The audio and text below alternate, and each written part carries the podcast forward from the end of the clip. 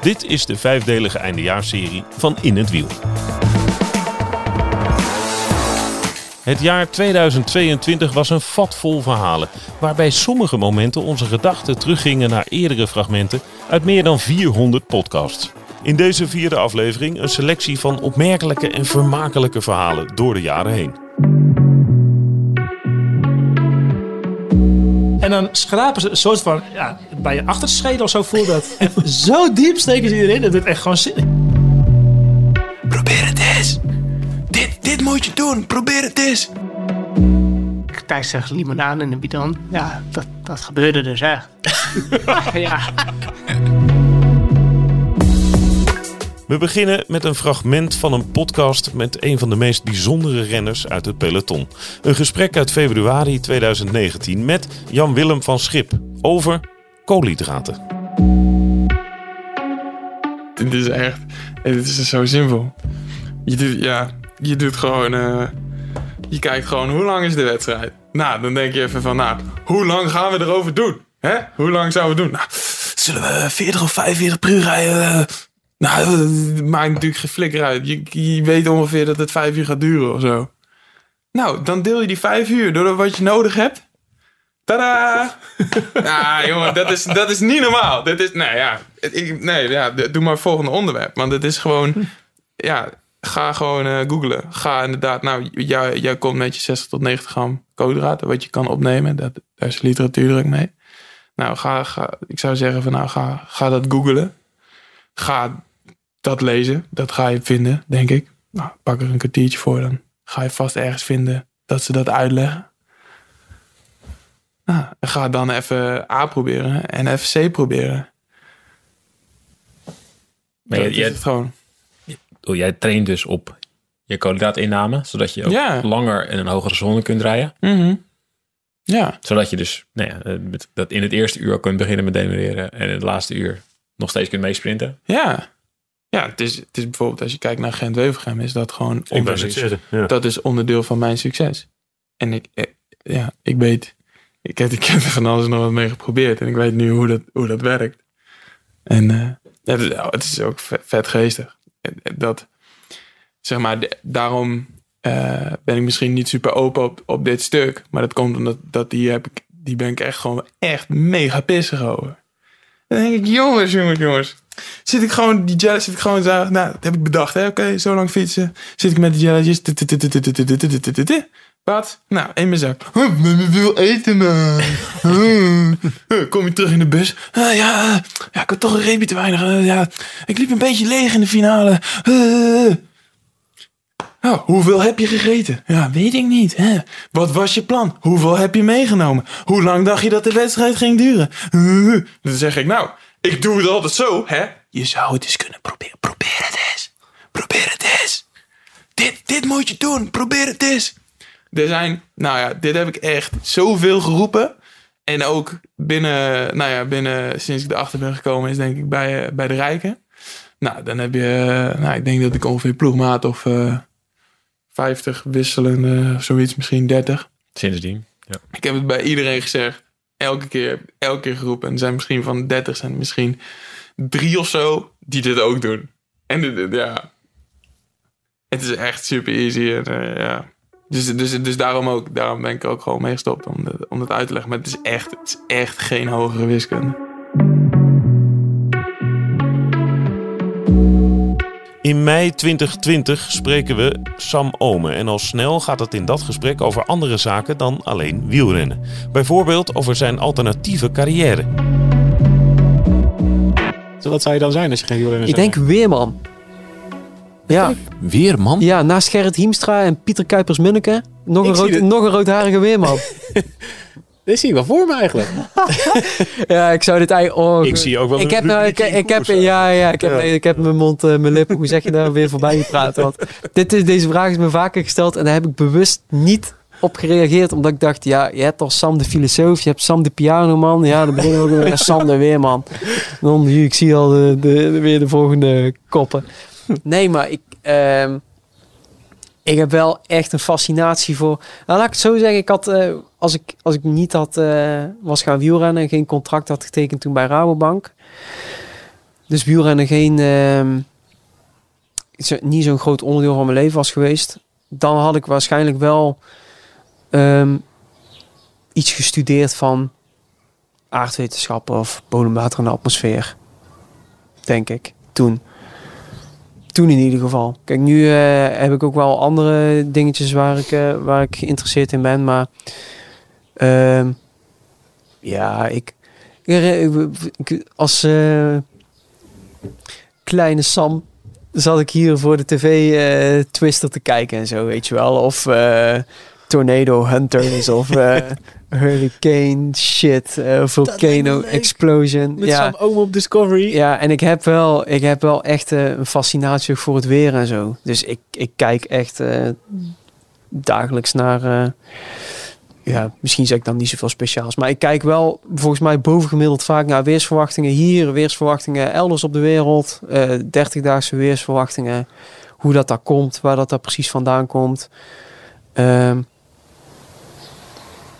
Eén moment wel meer dan het ander, maar ik heb wel een, eh, ik vind het wel interessant, ja. Maar speel je daar ook mee in koers? Dat je, dat je in de voorbespreking zegt, eh Michiel luister, één ding. Nee, nee, nee. De atmosfeer is dusdanig, dus de wind zal zodanig. Nee, nee, nee, nee, nee. Maar ik kan Ik verwacht regen rond een uur of drie. nee, nee, nee.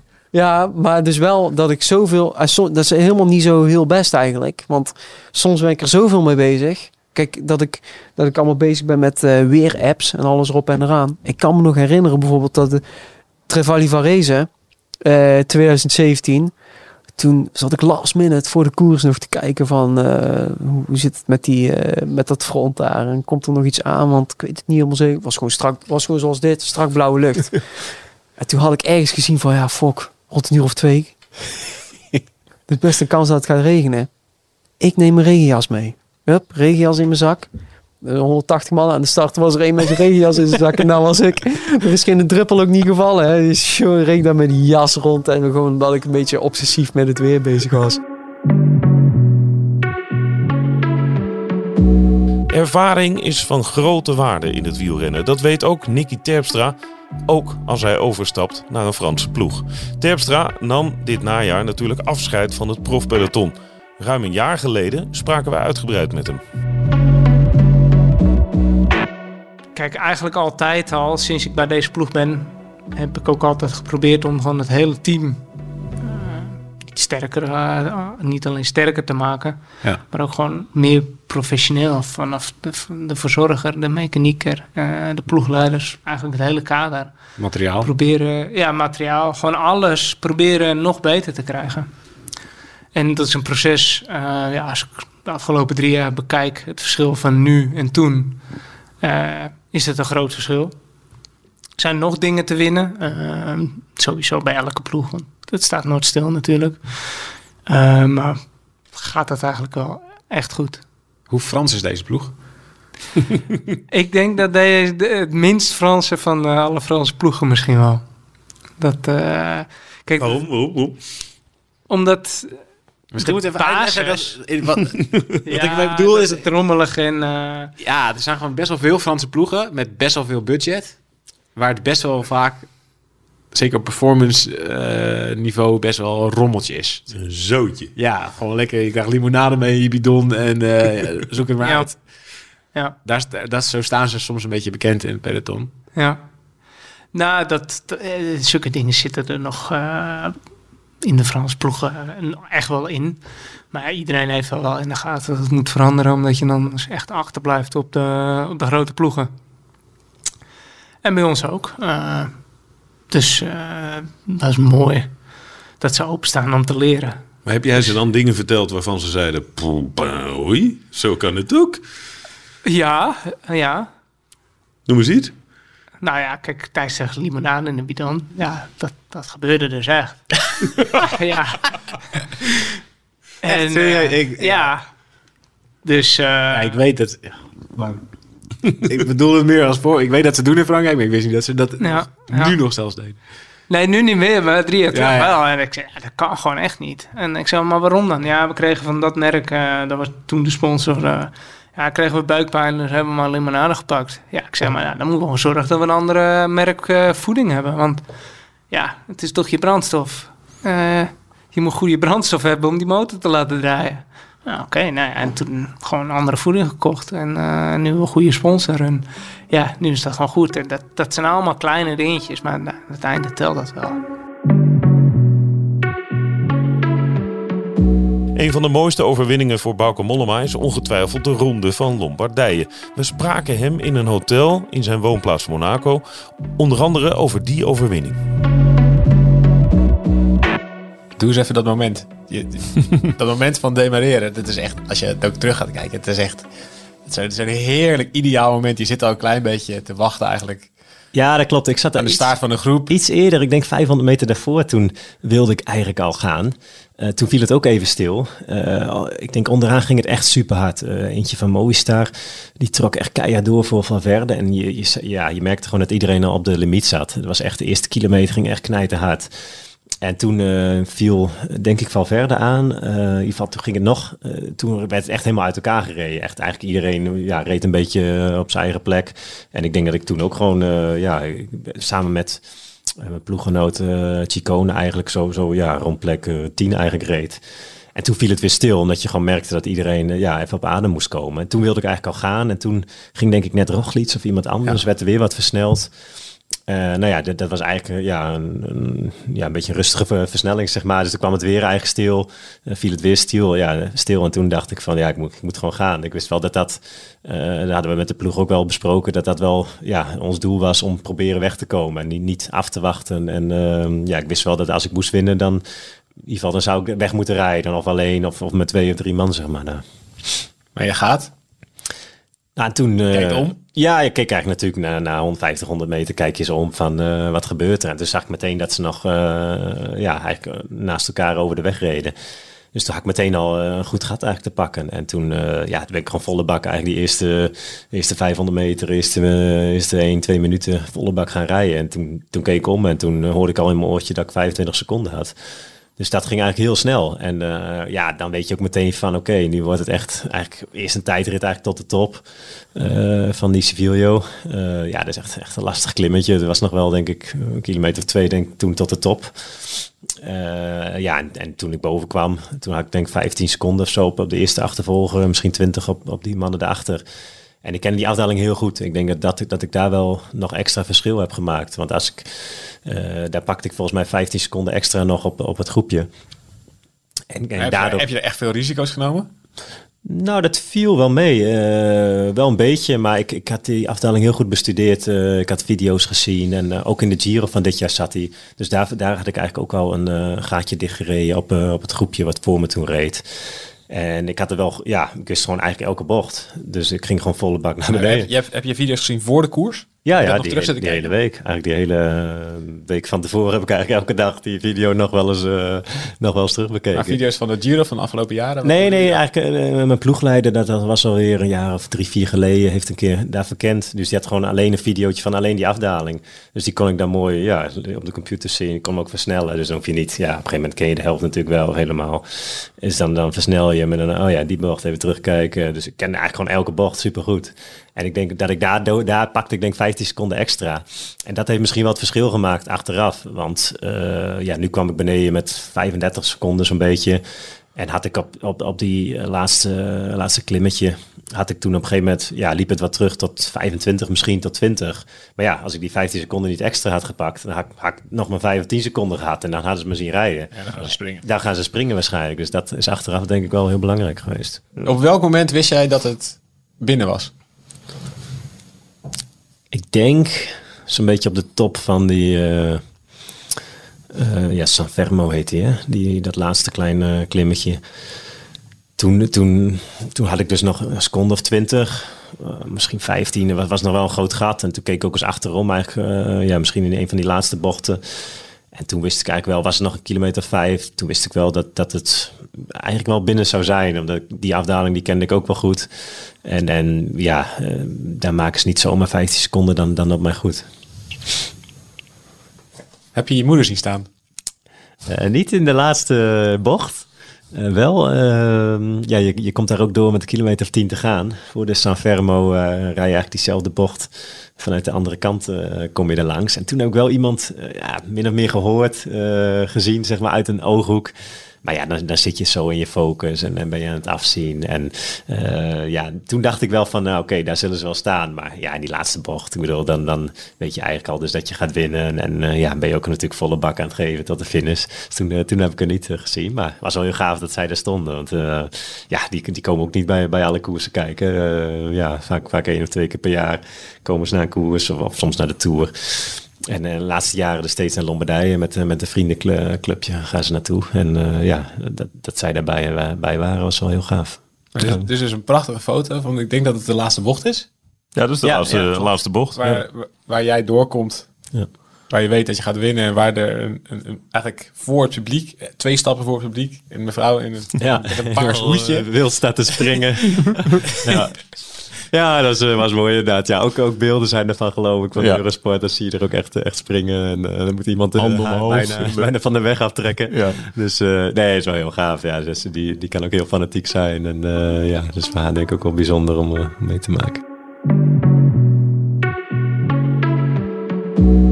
Het lijkt inmiddels een eeuwigheid geleden, maar er was een tijd dat we niet wisten hoe een coronatest werd uitgevoerd. Ramon Sinkeldam legt het uit vlak nadat hij is teruggekeerd vanuit de Emiraten, waar hij op zijn hotelkamer in quarantaine zat.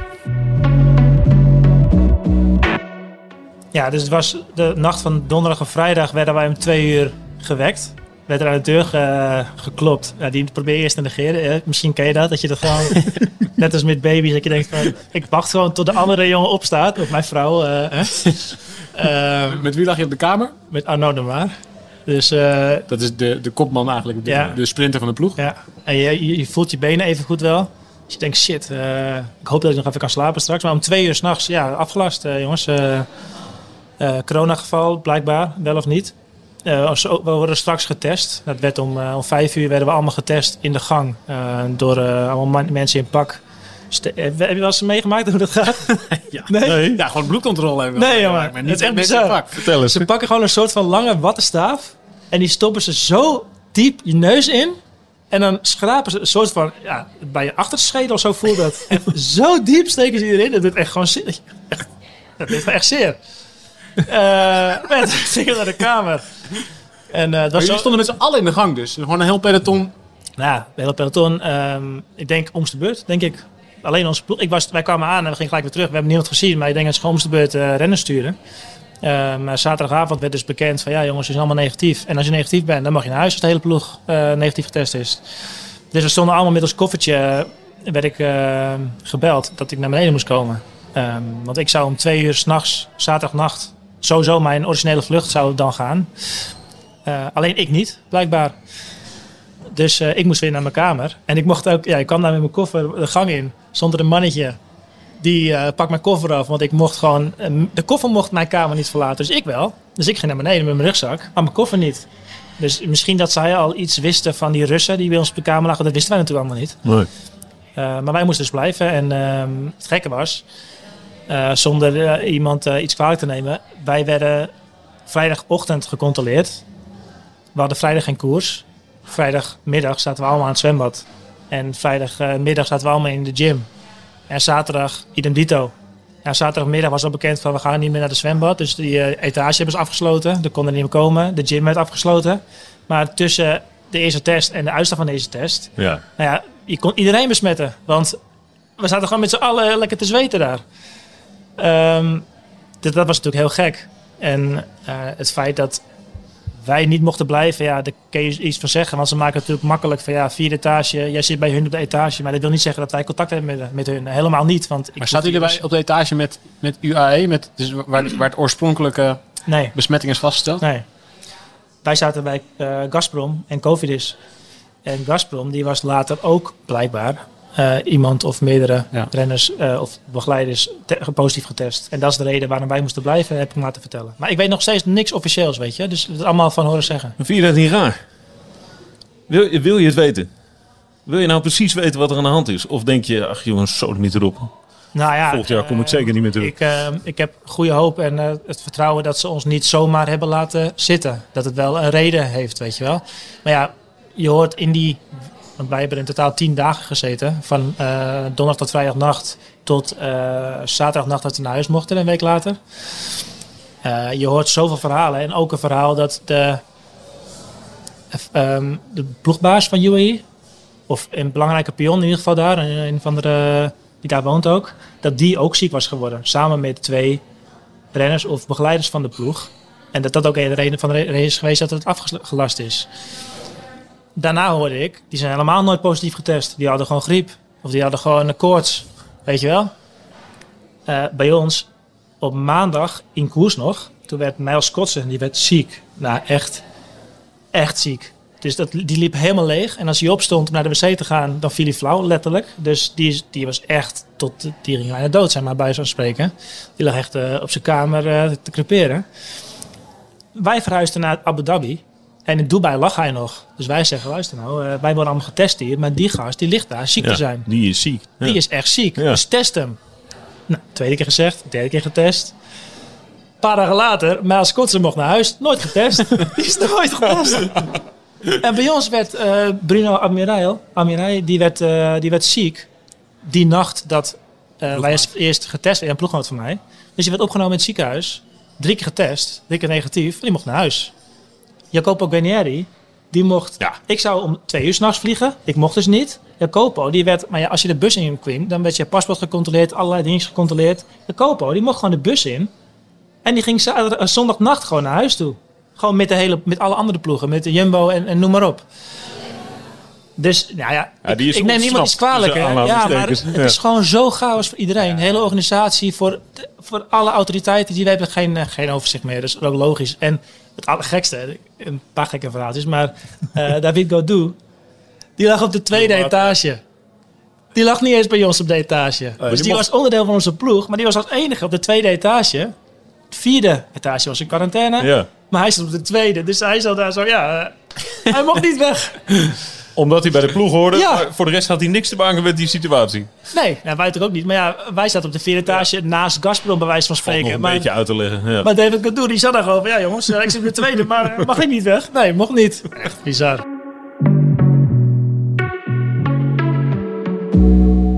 Dit wielerjaar was natuurlijk ook het jaar van de Tour de France voor vrouwen. Een lang gekoesterde wens voor velen kwam uit. We horen zometeen Marianne Vos over een toerdroom die niet bestond. Eh, Ja, ik, ik vind een soort karma. Wat een modieus woord. Ja. ja, dat klinkt heel hip en zweverig, hè? Weet je? Ik ga het even uitleggen. Ja, Ik ga het even uitleggen.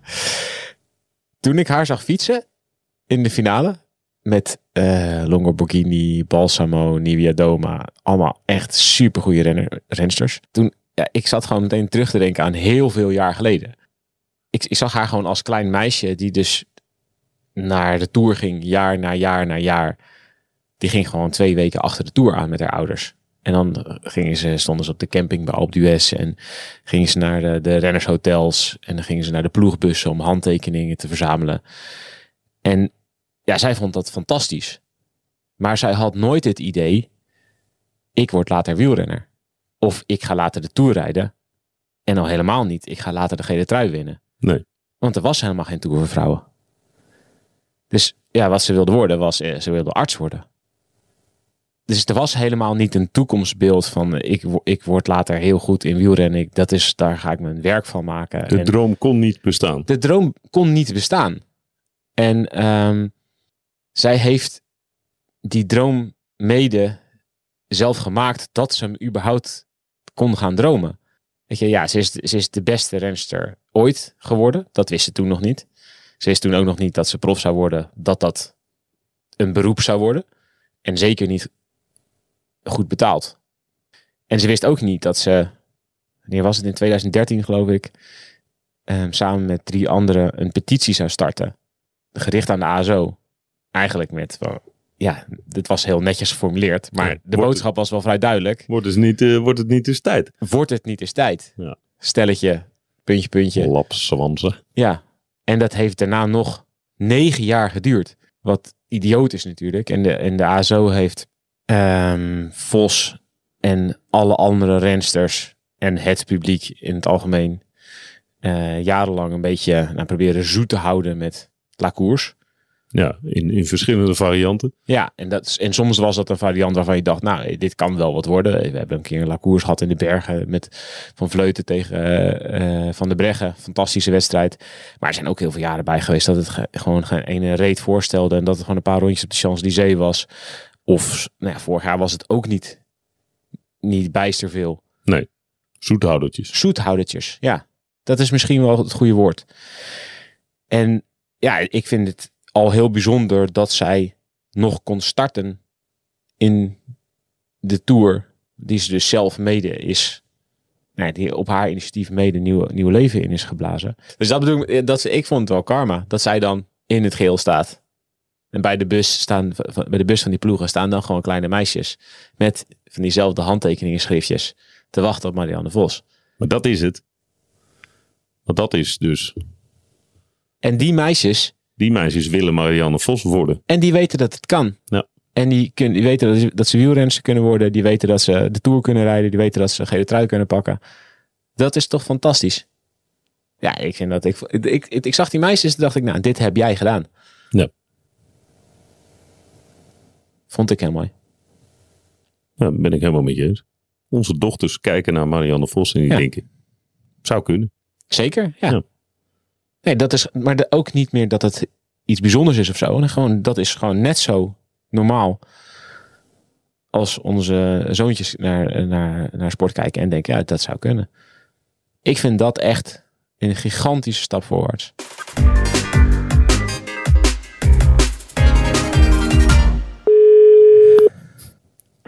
Met Marianne. Ja, Marianne. Gefeliciteerd. Hé hey Marianne, Bedankt. Jeetje, Mina zeg. Wat een geweldige dag moet dit voor jou geweest zijn.